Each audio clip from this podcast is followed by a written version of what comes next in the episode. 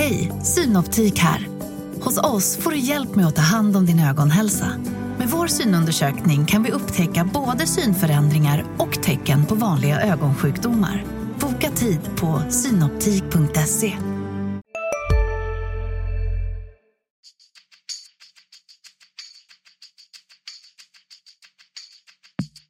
Skönt att komma ut och eh, bara lukta gräset. Så det, är, det är fotboll för mig.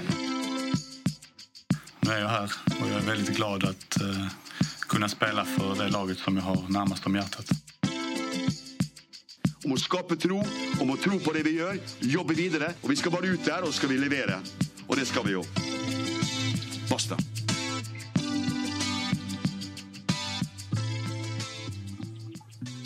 Hej och välkomna till avsnitt 222 av MFF-podden. Jag heter Fredrik Lindstrand och jag talar till er från en källare i norra Sofielund. Max Wiman är också med från sitt hem i Sibbarp. Hallå! Hej, hej! Och inne på stadion sitter en av vårens största utropstecken i allsvenskan och talar till oss. Eh, han, ska vara, han ska vi prata med här idag. Anel Ahmedhodzic, välkommen! Tack så mycket. Tack. Hur är läget? Jo, det är bara fint. Rulla på. Mm.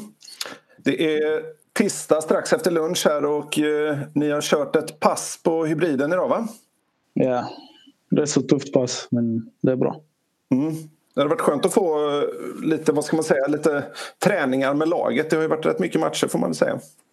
Ja, alltså första delen av säsongen det var bara matcher. Det var nästan inga träningar. Så det var ändå skönt. Vi kan väl utan att avslöja för mycket då att det faktiskt tränades lite straffar. Det har väl tränats en del straffar den senaste tiden med tanke på att Europaspel väntar. Ja, så, såklart. eh, Det, det är alltid bra att träna straffar. Det skadar inte. Är du en av de fem eller fall det blir straffläggning? Eh, Jag tror det. Jag hoppas det. Hur är du från 11 meter? Hur är jag? Ja, hur är du därifrån? Är du lugn eller? Eh, Ja, jag är rätt så lugn. Jag bestämmer mig innan jag ska skjuta. Och jag, vet, jag vet att eh, jag kommer sätta det. Jag ska säga det också att det var en lite speciell övning. Nu har jag kört den någon gång innan att eh, det var tejpat, eh, polistejp. Så att det fanns fyra rutor att pricka i målet. Ja, och det, det var lite, om jag ska säga, typ mindfuck. Ja, man var tvungen att välja en sida och bestämma sig. Ja. Väldigt Malmö på någonstans och, och polistejpa i straffområdet. Nej men det är klart, det får kanske ökade känslan av att man skulle sätta den på ett visst ställe i alla fall. Ja. Vi tänkte snacka med dig idag om dels eh, ja, karriären från, från, från början. Jag ska inte säga till slutet för den är ju, den är ju fortfarande bara i början. Sådär. Men eh, lite grann, du, du, du är Malmökille. ja, Vad, vad, har du, vad har du rötterna i Malmö? I Rosengård. Mm. Uppväxt där. Eh, Ja, hela mitt liv eh, handlar om Malmö bara. Mm. Typ. Men eh, hur är det? Dina föräldrar är från Bosnien-Hercegovina va? Ja, föräldrarna från Sarajevo i Bosnien och ja, hela familjen är där typ. Mm. Kom de hit på grund av kriget eller? De kom hit vid slutet av krig, kriget 96. Eh, de, de kom hit för eh, Sverige eh, hade bra, vad heter det? De, hade bättre, de kunde få bättre liv här. Mm. Hur har det varit att växa upp på Rosengård och så? För mig har- det har varit, ja, det har varit normalt. Det har inte varit något så... Eh, typ om man kollar på det utifrån. Man tänker Rosengård, det, det är problem, det är skott varje, varje vecka och sånt. Men för mig det har varit normalt. Det har, varit, eh, det har inte varit några... Det har, varit, det har inte varit så mycket problem som folk tror. Men du valde att börja i MFF direkt. Du spelade aldrig fotboll ute på Rosengård va? Eh, jag, hur gammal var jag? Jag var sex år gammal. Jag gick skolan och, eh, i Rosengård. Och, eh, eh, Tomme som jobbar där, han, gick, han jobbar åt eh, fotbollsskolan. Och MFFs fotbollsskola var där typ en gång i veckan och han sa till mig att jag skulle eh, att jag borde börja i MFFs eh, fotbollsskola. Så ringde han mina föräldrar och jag började i MFFs fotbollsskola. Men visste du direkt att det var fotbollen, det var, att det var det du ville satsa på eller? Ja, ja alltså, jag bara, för sport jag har bara kärlek för fotboll. Mm. Jag kollar knappt basket, jag kollar inte tennis eller något sånt. Bara fotboll. men annars känns det ju basket skulle kunna funka för dig. Du är ganska reslig Ja, alltså jag, jag är lång men jag är så bra med mina armar. Men, och sen i, hur, i MFF, hur, hur, var det de första åren där? Då? När märkte du att du hade talang för det? Uh, alltså jag har alltid vetat att uh, i ungdomslaget jag är en av de bättre. Men uh, såklart, det var också perioder där jag inte var så bra, presterade så bra. Och, eh, det krävdes att vara stark mentalt även om jag var så liten. Eh, jag fick mycket stöd av mina föräldrar och eh, av mina vänner i Rosengård. Det hjälpte mig mycket. Det var en period där jag var typ 13 år. Jag var väldigt nära att sluta MFF. Jag skulle börja typ Kulladal eller något. Och, ja, tränarna i Malmö ville inte att jag skulle gå och eh, eh, mina vänner och sånt de, de sa till mig det är bäst att MFF. Och Vad var det som gjorde att du funderade på att byta? Ja, jag, jag jag fick inte spela så mycket. Jag var mycket bänk. Och eh, vid, den, vid den åldern jag ville bara spela för... Eh, ja, jag, jag vill alltid spela. Mm. Men eh, det var lite speciellt den tiden. Men var du mittback då också eller? Eh, just, just vid den åldern så varierade jag mycket mellan mittback och anfall. Två, två, två helt olika positioner. Men typ ja, men mot, mot Helsingborg kommer jag ihåg, jag var 13. Eh, första halvlek jag spelade mittback. Jag fick gult kort så la tränaren mig andra halvlek som anfallare och gjorde hattrick. Men det, just den, de, den positionen känns ju igen lite från andra mittback. Pontus Jansson har väl gjort en liknande resa till exempel. Ja, ja men alltså typ om man, om man går som eh, anfallare till mittback då, då är det naturligt att man blir en spelande mittback. För man har ju tekniken. Mm. Vad var det som avgjorde att du hamnade som mittback till slut då? Eh, jag har alltid varit bra på att eh, försvara och glidtackla. Jag har glidtacklat sen jag var... Ja, sen jag minns. Sen jag, alltså, sen jag var typ sju år gammal. Mm. Jag, har alltid, jag alltid älskat att glida. Vilka var dina, vilka var dina förebilder? När du var, när du var 13, eh, då är det alltså, snackar vi runt 2012, 2013 ja, 2012 helt enkelt. Liksom, såg man upp till dem i A-laget eller hur såg man på, på Malmö FFs status då? Nu är ni ju någonting annat nu än vad ni var då så att säga. Klart jag såg upp till A-laget. Jag, varje gång jag såg någon A-lagsspelare ute jag skämdes för att uh, hälsa på dem och sånt. Men ja, såklart jag såg upp till... Uh, jag vet inte om det var just 2012 Pontus Jansson spelade där. Men uh, när, jag, när jag var... Jo, han var med då. Han var med då just då, det var, det var honom jag såg till. Men jag, jag träffade honom aldrig utanför planen. Så det var lite, blev lite ledsen där. Men du har träffat honom sen? Va? Du har träffat honom efter det? Eh, ja, vi har tränat, eh, han har tränat här lite och sånt. Har du berättat det för honom då, att du inte vågade hälsa på honom när du var liten? nej, nej. nej. Men du, är det någon som har betytt lite extra för dig, för din utveckling eller liksom hur det tog fart och sådär? Något som, någon som har betytt ja. mycket för dig? Ja, det var, Zlatan har betytt väldigt mycket för mig. Mm. Han har alltid varit en förebild och han, han är fortfarande en förebild i fotbollen. Mm. Det är nästan känsligt att säga det här nere nu. Ja, men eh, om man kollar fotbollsmässigt så kommer, all, kommer han alltid vara den största för mig. Uh. Har, du träffat, har du träffat honom? Uh, några gånger när jag var typ maskot och sånt, men aldrig så. Och, jag, och jag, min farsa fångade faktiskt, uh, när han var i Rosengård, han fångade en boll som Zlatan slängde. Men tyvärr så var jag för ivrig och spelade för mycket med bollen så blev den paj. ja, tiden uh, han spelade i Juve. Ja, ja. Mm. Du, har varit maskot, du har varit maskot och gått in på med laget och sådär? Ja, jag, jag var maskot åt MFF många gånger. Jag eh, tror till och med att jag eh, höll eh, Daniel Anderssons hand när jag var så liten. När jag var typ, jag vet inte, sju, åtta år gammal. Och nu får du skaka handen där när du signar på nytt kontrakt här i våras. du, din, din, pappa har också betytt ganska mycket för dig, det har jag läst någonstans. Ja, eh, han har pushat mig väldigt mycket. Eh, ibland för mycket men eh, det är bra. Eh, vissa, vissa föräldrar engagerar inte sig alls. Och ibland är det bra, ibland är det dåligt. För min del har det varit bra att han har engagerat sig så mycket. Och, mm. Eh, eh, det, det, var mycket så att eh, jag spenderade mycket tid på datorn när jag var yngre. Så det var en dag uppladdningen för match. Jag var typ 12. Så var jag hela dagen på datorn och sen eh, vi skulle möta Helsingborg. Sen när vi spelade mot Helsingborg jag var typ helt, typ, helt borta för jag hade spelat data hela dagen. Sen efter det, min, min farsa la två timmars bud. att jag inte fick spela. så typ sådana grejer, det är bra och sånt. Så sa han hela tiden eh, typ eh, så fort du har tränat så får du vara mer på datorn och sånt. Så det har varit bra så det... på det sättet.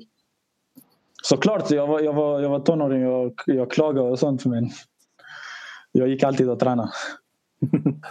det hör till att man ska klaga som tonåring. Exakt. Men sen så dyker det upp, när du, det måste ju hända någonting där i tonåren. Var det, är det att du växer till dig eller vad är det som är? För att helt plötsligt så går det ju oerhört bra och så är det ganska mycket europeiska klubbar som är nyfikna på dig när du är runt 16 va? Ja, det var just den perioden när jag fyllde 14. Eh, vi skulle spela SM, Night Premier Cup. Under det året så hade jag växt typ 10-15 centimeter. Jag var, jag var riktigt lång och, och musklerna hade inte kommit ikapp. Så var jag lång och jag, från ingenstans jag blev jag, jag blev riktigt snabb. Och, eh, under det SM-mästerskapet så spelade jag det riktigt bra och uh, i finalen fick jag matchens bästa spelare. Och sen efter det så bara gick det uppåt. Mm. Det, var, det var den uh, vad heter det, växten jag behövde. Och typ det var, det var det som började allt. Mm. Och sen när det kommer så här, eh, jag tänk, du är ju inte den enda som det har hänt men när det kommer utländska klubbar, ganska stora namn ändå och börjar visa intresse för det när man är sådär 15-16 och så här, hur, hur, hur, hur, tänker man då? Det måste ju vara rätt häftigt jag, jag. jag kommer ihåg eh, första klubben som eh, jag hörde var intresserad, det var Birmingham och jag blev väl så, jag blev helt uppspelt. Jag bara oh shit Birmingham. Det, det är en riktigt stor klubb så jag började spela Fifa med dem och sånt. och så, ja. Såklart man, man blir, man blir uh, jävligt glad. Mm. Men vad, hur, vem liksom rådgjorde du då? Det blev ju Nottingham eh, från 2016. Då. Hur kom du fram till att det var rätt steg att lämna? Eh, jag hade mycket snack med mina föräldrar och min agent då, Fredrik Strauss att just England hade varit perfekt för mig för jag var lång och smal. Jag behövde träna på fysiken och... Eh, och du gillar att bli tacklad. Ja, exakt. Och det, det kändes som det var perfekt steg. Och det var det på, på sätt och vis. Under samma år som jag stack så fick jag debutera. Men vägen dit var rätt så tuff ska jag säga. Det var mm. typ Ah, eh, ska jag säga, vi började, vi började våra pass eh, 8.30 på morgonen, kunde komma hem 6. Och det enda man gjorde var sova, äta, ingenting. Alltså, man gjorde knappt någonting det första året, halvåret. För de ville bygga på muskler eh, på mig och de ville att jag skulle upp till 84-85 kilo på ett och ett halvt år, ett år. Och det gjorde jag. Och jag uppnådde målen. Det var typ tre, tre, fyra pass om dagen. Alltså typ två gympass, två fotbollspass. Det var, så, det var riktigt jobbigt. Det låter ju som att det skulle... Ja, förlåt, sorry Max. Det känns ju nästan som det går en våg den här sommaren. Det är väldigt många unga MFF-spelare som sticker ut eh, på liknande sätt. Eh, vad, vad, säger du? Tycker du du gör dem rätt och vad ska de tänka på? Alltså det är helt upp till var och en. Jag kan bara snacka om min erfarenhet och det var att eh, jag hade stor konkurrens framför mig och jag kände att eh, eh fysiska delen av min fotboll kunde jag utveckla bättre i England än vad jag kunde då i Malmö. Och jag kände att eh, det, det Nottingham erbjöd var en bra plan och det visade sig vara en bra plan. Det var bara synd att jag hade tio tränare i tre år. Jag såg det. Vansinnigt lång lista där. Hur kom det sig att de bytte tränare så ofta? Ja, förlorar man tre, fyra matcher i Championship så sätts man under mycket press. Och nio av tio gånger så blir man sparkad. Ja. Ja, precis. Du, du hade Roy Keane som assisterande under Martin O'Neill. Det var ju bara två veckor på slutet där. Men... Ja, jag hann knappt uh, träna med dem. Du hann inte få någon utskällning innan Nej. du drog? Nej. Men du, hur är, hur är liksom klimatet i Nottingham när man kommer över dit som tonåring och sådär? Det, måste, det känns som att man måste vara rätt stark psykiskt för att kunna hantera en sån här miljö då, med så mycket träning. Och, och det är så, det, man är ju någonstans en produkt i det hela också. De har en tydlig plan för dig vad du ska bli. Liksom.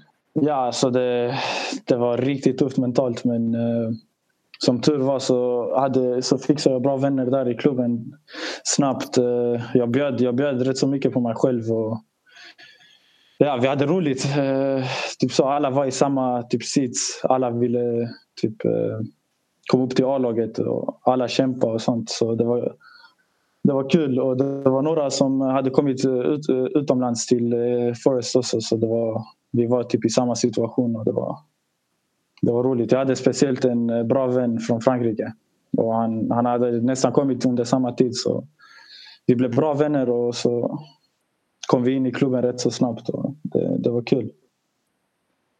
Har du, mycket, har du några känslor för klubben? Följer du dem och sådär? Ja, jag följer dem lite då och då. Jag sa att de tappar platsen till playoff på ett mm. speciellt sätt. Och nu, du får, nu får du anledning att följa dem lite mer nu när Bachirou har gått dit också. Ja, jag, jag snackade lite med honom. Jag, jag sa till mina vänner där att uh, skoja med honom lite. hur, hur, när kände du liksom att det ändå var dags att söka till sig till prova någonting annat? Att, precis i den vevan sen när du flyttade hem var du väl uppe och spelade någon cupmatch eller något sånt, var det inte så? I... Vadå? I Nottingham? Du var, du var med i någon trupp i Nottingham precis strax innan du flyttade hem? Ah, ja, vi, jag, var, jag kom med i truppen till eh, uh, FA Cup mot Chelsea. Uh, typ två veckor innan det blev klart med MFF. Så ja, alltså Två veckor innan MFF skulle möta Chelsea också va? Det var ju exakt. den vevan va? Mm. Exakt, exakt. Så man fick möta tre, Chelsea tre gånger. Eller man fick kolla på dem från bänken. Men vad, vad, fick dig att ta beslutet att flytta hem då? Uh, jag kände att uh, jag kunde lita på Daniel att uh, de, de, de kommer vilja satsa på mig och sånt. Eh, även om eh, det inte gick så, så bra första, första året. Men eh, jag, jag kände att det var rätt, det var rätt beslut att gå tillbaka till MFF.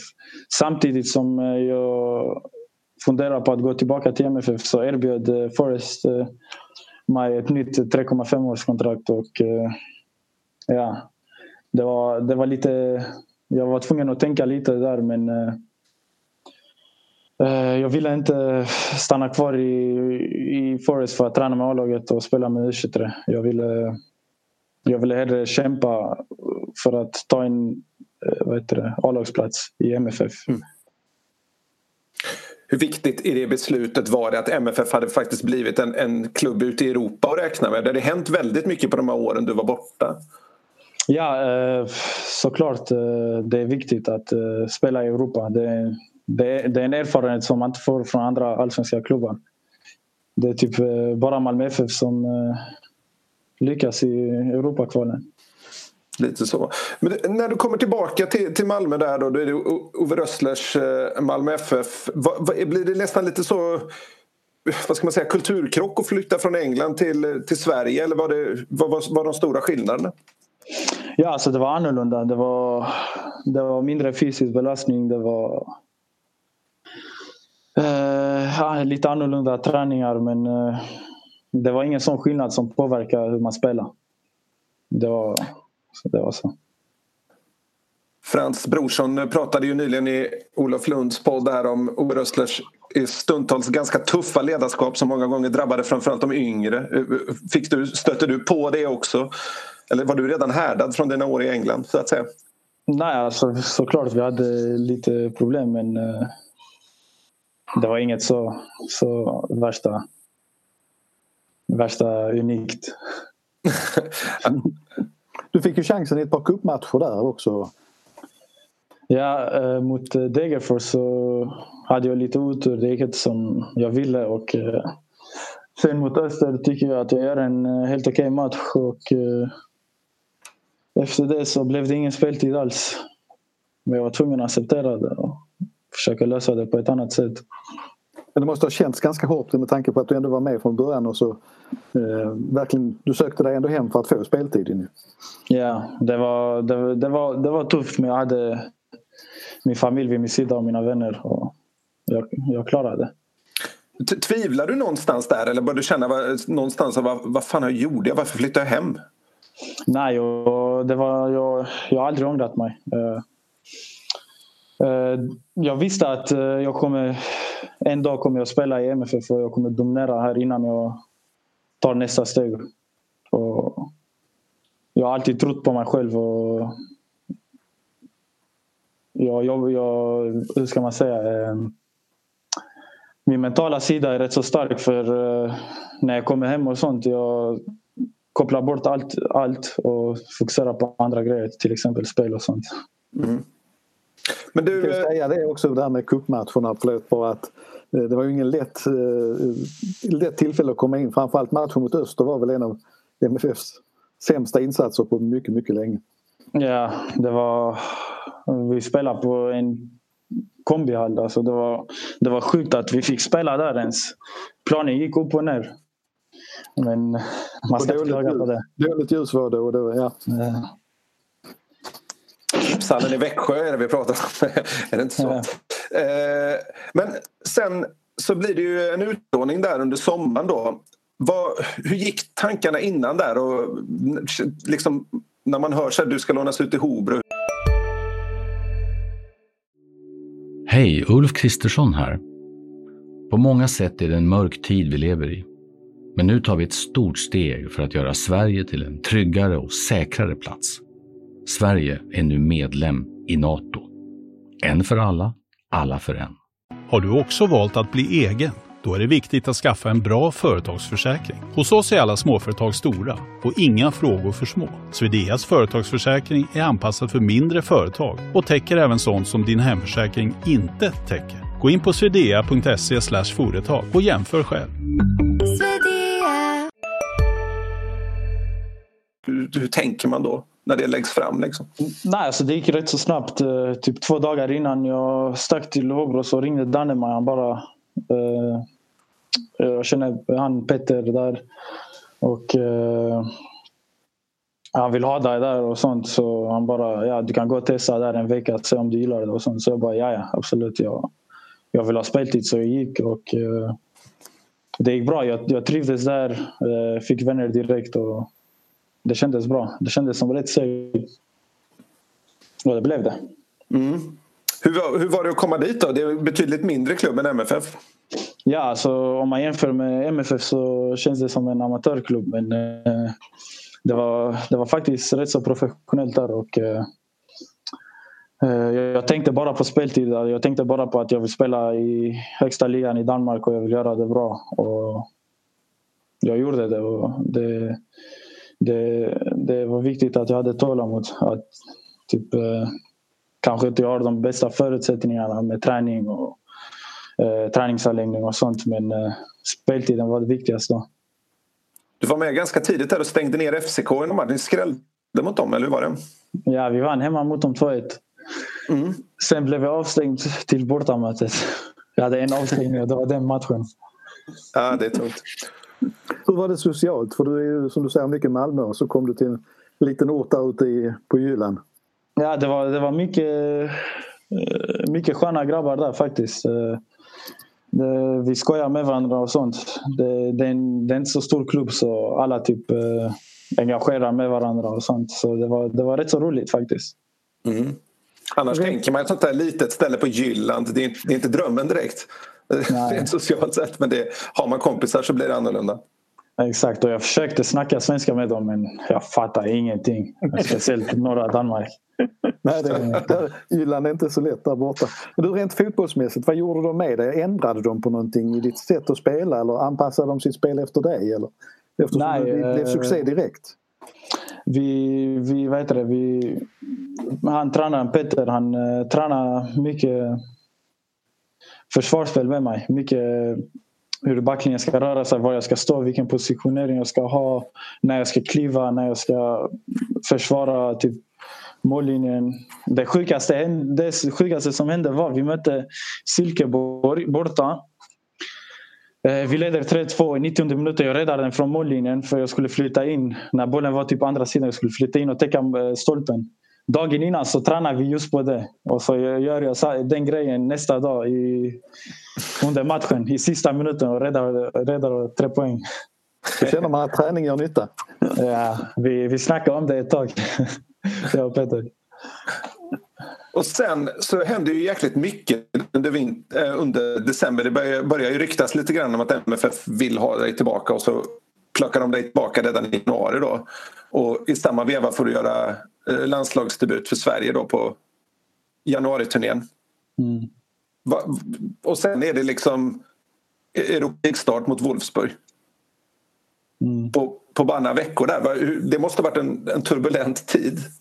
Ja, ja men uh, jag hade inte så många, så, så många diskussioner med uh, Danne. Uh, för jag visste att mitt mål att vara utlånad till Hobro var att jag ska få en startplats, i, inte få men jag ska ta en startplats i MFF. Och, så fort de ville att jag skulle komma tillbaka så tänkte jag ja, det, det, det, rätta, det är det enda rätta beslutet. Kan ju säga att det fanns det... en liten koppling där mellan MFF och Hobro också. För Peter som du pratar om, Peter Sörensen, tränaren, har ju faktiskt spelat i Malmö FF. Ja, exakt. Mm. Men är det givet det valet? För att den danska ligan har ju sitt vinteruppehåll där säsongen fortsätter under våren och där vet du att du får starta i MFF. Ah, kanske MFF bestämmer rätt mycket om vad de vill så att du kanske inte kan säga så mycket men det är ju ändå mer osäker tillvaro i MFF. För där, om man tittar på den mittbackslistan så är den ju, det är ju ganska bra namn liksom. Ja, men uh, jag, hade, jag hade bra diskussioner med Danne som sagt och uh, det kändes som att uh, de, de, vill, de vill satsa på mig. Vad? Och det har de visat. Ja, det får man säga. Men vad, vad, betyder, vad betyder de där Wolfsburg-matcherna för dig? De betyder väldigt mycket, speciellt för självförtroendet. Ehm, att jag kommer in och spelar så som jag gör. Jag gör, jag gör två bra matcher. Eh, med tanke på att det är mina första säga, riktiga matcher. Eh, eh, jag kommer in och försöker spela, försöker spela med bollen och sånt. Och det förtroende jag fick från Jon var en stor faktor till det. Och det, det försökte jag återbetala med min prestation på, på planen. Hur, mycket snackar han med dig? Alltså man, det, det, är liksom, du är ju MFFs mest spelande mittback på ganska länge. Det verkar, jag vet att han har, man hör ju ganska mycket nu när, man, när det inte är någon folk på fotbollen och så. Att man, hur han nästan skäller på er när ni bara drar iväg bollen. Att han blir liksom yeah. då. Han vill väldigt gärna att ni, ni måste spela hela tiden. Det vrålar han ofta tycker jag. Spela! Ja, och det, det, det gillar jag. Det, det är en av mina vad, vad heter det? mina starka sidor att spela med bollen. Eh, eh, han snackar mycket med att eh, jag ska alltid försöka spela även om jag gör misstag. Jag lär mig av det. Han sa så länge du lär dig av det så är det okej. Okay. Mm. Du, du behöver inte oroa dig. Han accepterar lite någon, någon miss här och var liksom. Ja, han, han säger bara spela ditt spel. Och nu får du uppleva att motståndarna anpassar sig. De försöker skära av dig från uppspelen. Ja, det, blir, det, blir, det blir definitivt jobbigare men uh, man ska ändå kunna lösa det. Men just det, att vara en, du, för du får ju betraktas som, som ganska offensiv i ditt spel, eh, sticker upp och vill gärna slå liksom avgörande passningar. Så här, vad, vad har du för några förebilder rent mittbacksmässigt? Vem, vem tänker du, det där är ett föredöme att spela som? Uh, det var ett tag, jag, eller det var under några år jag följde mycket på, jag kollade mycket på Piqué. Och uh, det var under ett tag jag kollade på John Stones när han spelade Everton. Och så har jag alltid gillat uh, Varann. Det är typ de tre jag har följt mycket. Mm. Som vågar ta ett kliv upp i planen och verkligen slå en passning ja, i, i, genom mittfältet så att säga. Exakt. Och det är det, det är det jag försöker alltid göra. Men du, glidtacklingarna har hängt med hela vägen också. Du älskar dem fortfarande? Ja, de, de är speciella. Det är små marginaler ibland känns det som, men du verkar trygg i dem. Ja, men uh, en grej folk säger om mina glidtacklingar är att uh, man inte behöver glidtackla om man står rätt. Ja, det stämmer, men uh, jag hade också kunnat stå upp och ta bollen, men för mig det känns bättre ibland att glida än att stå upp och ta bollen. Men är det för publikens skull också? Ja, exakt. Man måste, se, man måste se lite snygg ut. Nej. Exakt, exakt. Och sen roulette emellanåt också. Ja, mot Wolf. hur, hur, ja, kör du. Ja, hur tänker man när man vågar, vågar sig på något sånt? Liksom? Är det bara i stunden som det sker? Eller? Nej, det bara, det bara hände. Det, det var automatiskt. Det bara Eh, ja, jag tänkte nej, jag ska ge lite underhållning till fansen. jag tänker på det, du har ju verkligen fått stort förtroende. Om jag räknar rätt här nu så har du spelat allt fortfarande utom två, blivit utbytt två gånger mot Mjällby och varit avstängd en match. Hur, hur mm. känns det i kroppen efter allt spelande? Eh, efter matcher och dagen efter man är sliten och så men jag har köpt några speciella byxor som jag använder hemma och de är, de är riktigt sköna och det hjälper mycket. Men uh, så länge man återhämtar sig rätt, isbad, allting så, så blir det okej. Okay, det blir bra. Vad är det för byxor? Uh, jag tror de heter Optimal Recovery. Det är, typ, de lägger, det är, som, det är som att man får massage men de lägger tryck på musklerna. Och, uh, man bara känner sig helt så helt avslappnad efter. Det låter som något för en småbarnsfarsa som mig att skaffa faktiskt. Men det, det har ju liksom, succén har ju inte låtit vänta på sig. Du har ju ja, hyllats unisont får man säga. Hur, hur är det liksom att gå från en tillvaro där egentligen ingen lägger så mycket märke till en till att liksom hamna i sånt fokus som du har gjort och, och läsa så mycket om dig själv. Hur har det varit? Har du, har du tagit det till dig eller försöker du hålla det borta? Uh såklart det kommer upp på min... Eh, eh när, jag kollar upp, när jag kollar på Twitter så kommer det upp ibland. Jag ser artiklar om mig själv. Min Facebook, jag ser ibland artiklar om mig själv. Eh, folk skickar till mig, kollar vad de har skrivit om det och sånt. Eh, alltså, det är inte så att jag... Spelar jag dåligt så vet jag att jag spelar dåligt. Uh, spelar jag bra vet jag att jag spelar bra. Jag behöver inte någon annans bekräftelse förutom uh, tränarens feedback och ibland Mackans feedback. Men, äh, ja, alltså jag, jag, bara, jag, jag är mycket självkritisk. Och, äh, ibland är det bra, ibland är det dåligt. Och när, när det är dåligt så snackar jag mycket med Peter Andersson. Och han hjälper mig mycket där faktiskt. Och, Petter Andersson, eh, Marcus Rosenbergs agentkollega. Exakt. Det vi pratade om. Mm. Ja, han, han, hjälper mycket mentalt och han visar mig klipp på vad jag ska göra bättre och sånt. Och han ger mig förslag på vilka passningar jag, ska, jag kan slå och sånt. Ja, det är väl han som är ljusvattnets Maradona, tror jag att han kallades en gång i tiden, så att han borde veta. Hur är det med, med att jobba med Marcus Rosenberg som då är din agent så att säga? Ni var ju lagkompisar innan här. Ja, eh, jag kan säga att jag inte gillar att träna med han. Mycket armbågar.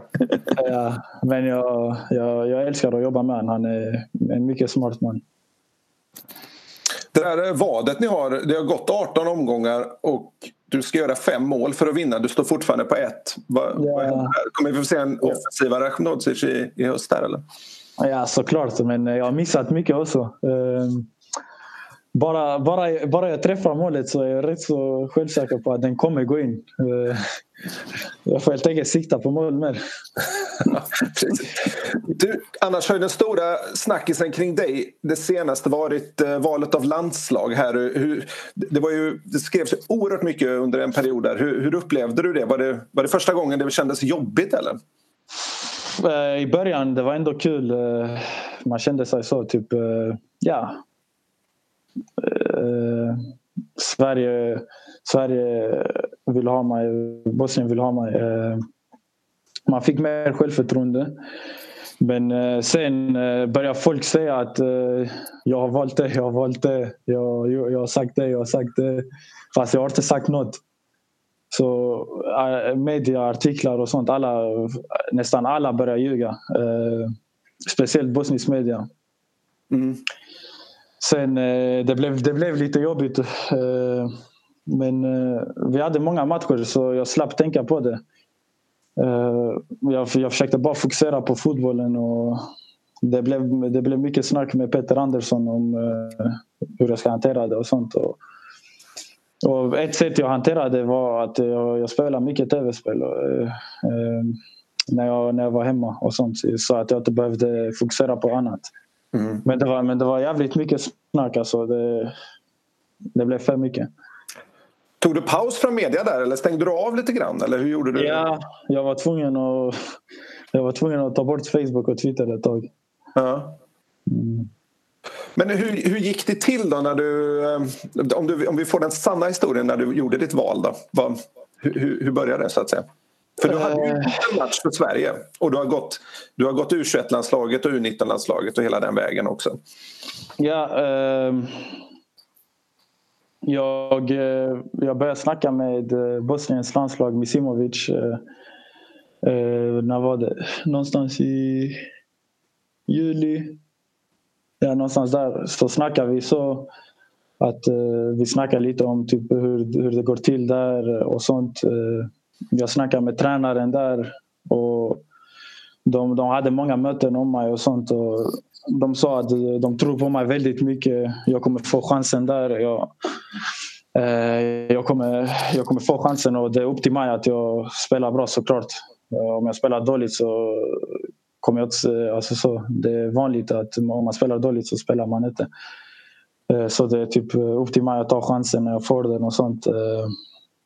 Eh, så jag tänkte att ah, det, det låter bra och jag, jag, jag har verkligen en stark eh, kärlek till Bosnien. Och det, det är typ eh, det landet jag, jag älskar. Men jag älskar även Sverige och det är därför det var typ det var ett tufft beslut. Eh, mm. Jag, jag satt många, många nätter och tänkte på det.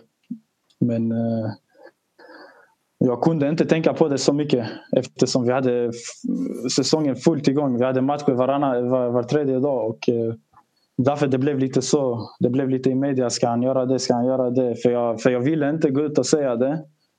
Eh, att jag, att jag valt Bosnien. För eh,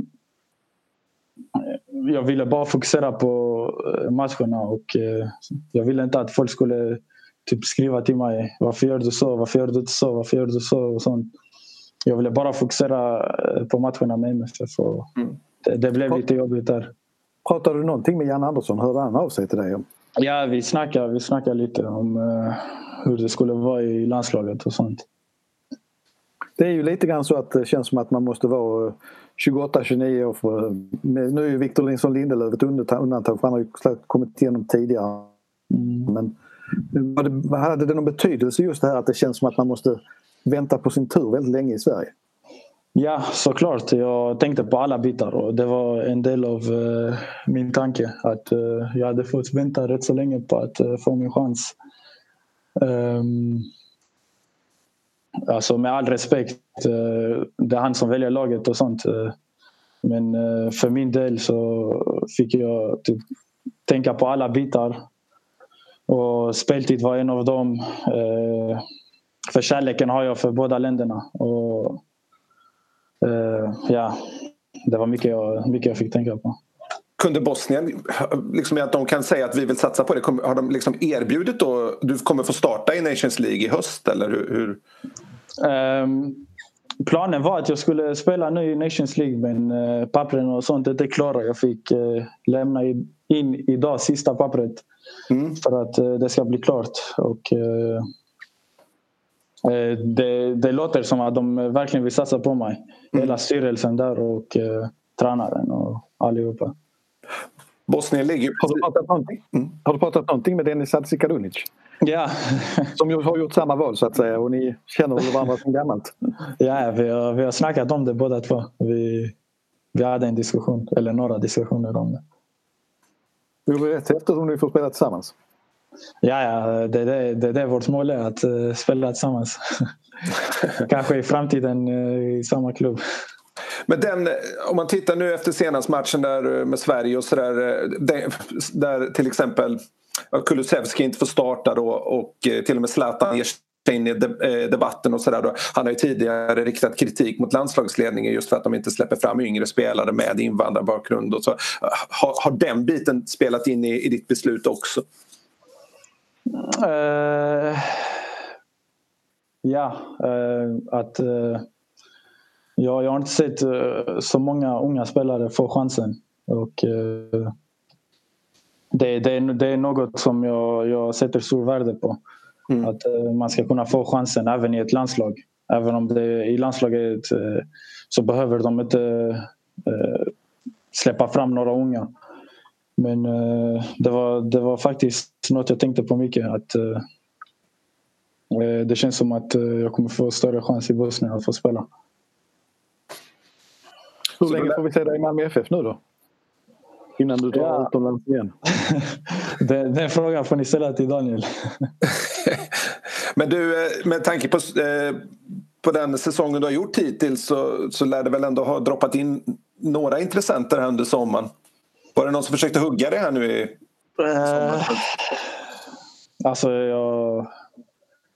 Jag tror... Jag, jag tror nej, det, det, har, det, har varit lite intresse och sånt men uh, jag, jag, vill, jag, jag vill eh, stanna till minst denna säsong. Jag vill ta SM-guld. Jag vill gå ut i Europa League igen.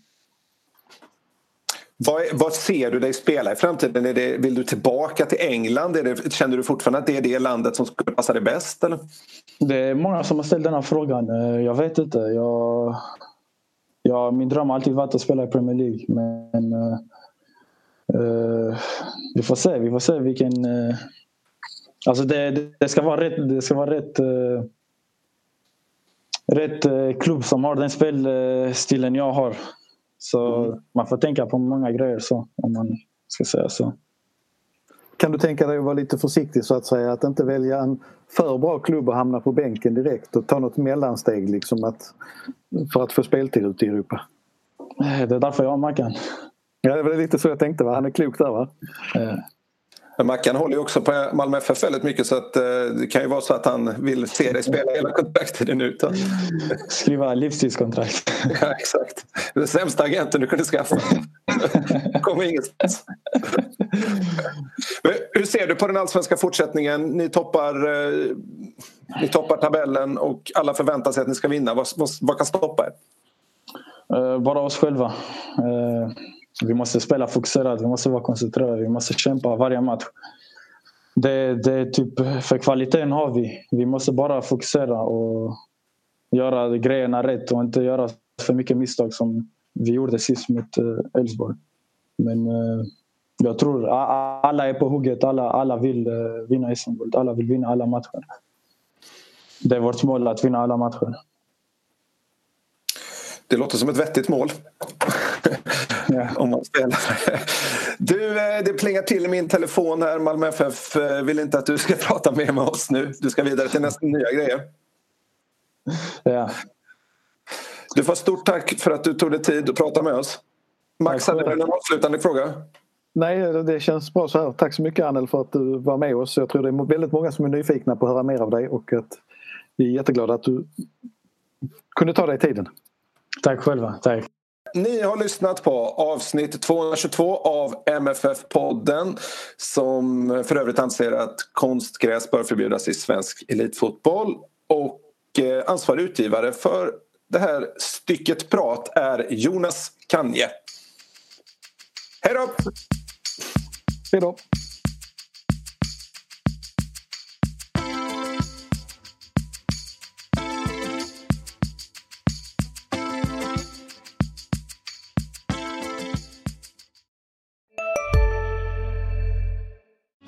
Hej, Susanne Axel här. När du gör som jag och listar dig på en av Krys vårdcentraler får du en fast läkarkontakt som kan din sjukdomshistoria.